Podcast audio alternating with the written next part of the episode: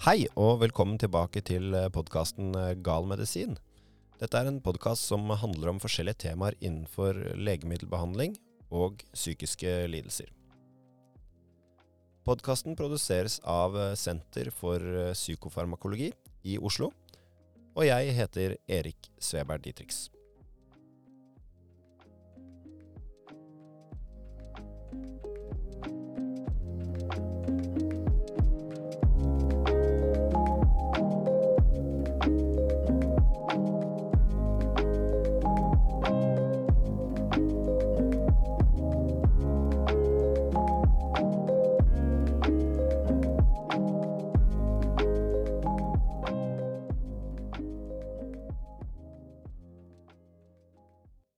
I dag kommer det en eh, kort episode om et for mange kanskje et litt rart fenomen, nemlig det at uh, legemiddelbehandlingen vi står på, kan påvirkes av ting som man kanskje ikke forbinder med legemidler. I dag skal det nemlig handle om hvordan røyking kan påvirke nivået av noen legemidler i blodet, altså hvordan de virker, og potensielt også hvor alvorlige bivirkninger vi kan få av legemidlene. Klozapin er et legemiddel som brukes i behandling av alvorlige psykoselidelser, slik som schizofreni. Man bruker det der hvor annen behandling ikke har hatt effekt. Studier har nemlig vist at klosapin er mer effektivt enn de andre legemidlene vi har mot uh, psykose. Problemet er bare at dette legemiddelet har en del alvorlige bivirkninger, og at man derfor bruker det bare når man må. Når en pasient tar medisinen, kommer den etter hvert over i blodbanen og inn i hjernen, der den virker. Imidlertid er det ikke alltid like lett for legen å forutsi hvor mye av medisinen vi tar, som kommer over i blodets kretsløp og blir transportert videre opp til hjernen via eh, blodårene. Særlig gjelder dette hvis pasienten røyker. Røyk kan nemlig påvirke mengden klosapin i blodet. Det er et eksempel på det vi ofte kaller en interaksjon. Legemiddelinteraksjoner oppstår som oftest når to legemidler kombineres. Men andre ting kan også påvirke hvor mye du har av et legemiddel i kroppen. Et eksempel er altså røyking, enten det er av uh, tobakk eller for eksempel cannabis. For å forklare hvordan dette skjer, må vi først snakke litt om hvordan legemidler brytes ned i kroppen. Ofte kaller vi legemiddelnedbrytning for legemiddelmetabolisme. Vi kan si at metabolismen er tredje steg i hva kroppen gjør med et legemiddel. Første steg er eh, absorpsjon, altså at legemiddelet tas opp, vanligvis fra tarmen når det er snakk om eh, tabletter vi tar gjennom munnen. Andre steg i hvordan eh, legemidlene blir håndtert av kroppen, er distribusjon, altså at legemiddelet fordeles rundt i kroppen.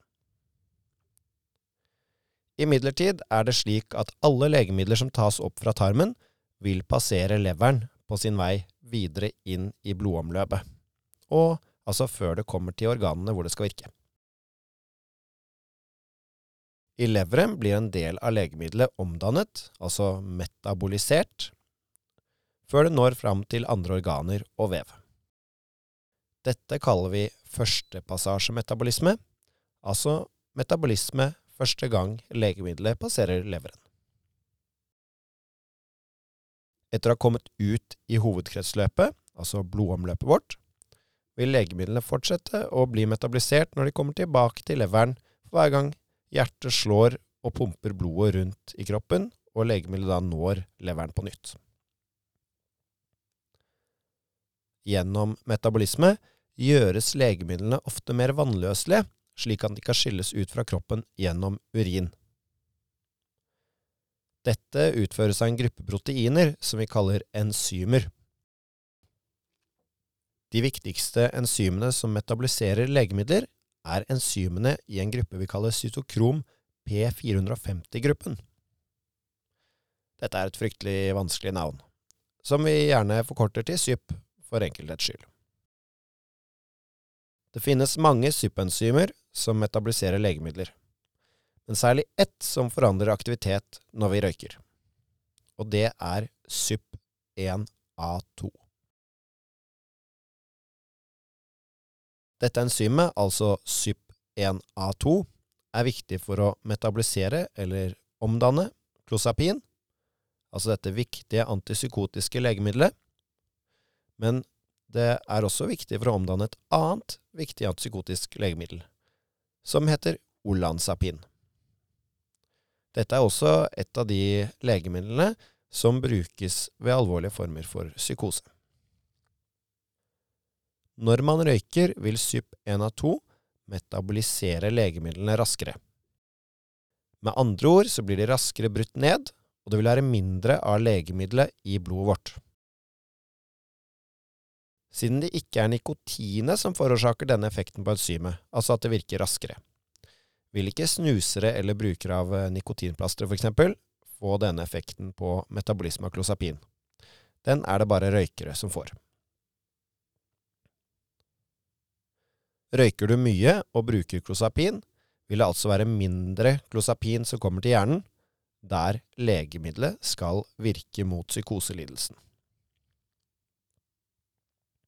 I noen studier har man undersøkt hvor mye man trenger å røyke for at dette skjer. Mye tyder på at noen få sigaretter er nok til å øke aktiviteten av CYP1A2-enzymet, og at effekten er maksimal allerede dersom man røyker ti sigaretter om dagen. Hvis man slutter å røyke, endres enzymaktiviteten gradvis tilbake til normale nivået i løpet av ca. ti dager. Dette kan faktisk være ganske viktig, fordi en god del av pasientene som behandles for psykoselidelser, som schizofreni, de røyker. Hvis man da brått slutter å røyke, vil metabolismen av klosapin gå ned, og mengden av legemiddelet i blodet vil øke. Da kan det være økt fare for bivirkninger. Det er rapportert mange bivirkningstilfeller av klosapin i forbindelse med røykeslutt munntørrhet, forvirring, tåkesyn, muskelspasmer og krampeanfall har typisk oppstått etter 10-14 dager hvis pasienten fortsatt bruker den samme dosen av medisinen som hun eller han gjorde før røykeslutt. Hvis du bruker et legemiddel som metaboliseres av SYPNA2, f.eks. klosapin eller olanzapin, og planlegger å gjøre noe positivt for helsen, som å slutte å røyke, er det derfor viktig å kontakte legen din. Sammen kan dere da legge en plan for hvordan du kan redusere medisindosen samtidig som du slutter å røyke, for å unngå alvorlige bivirkninger.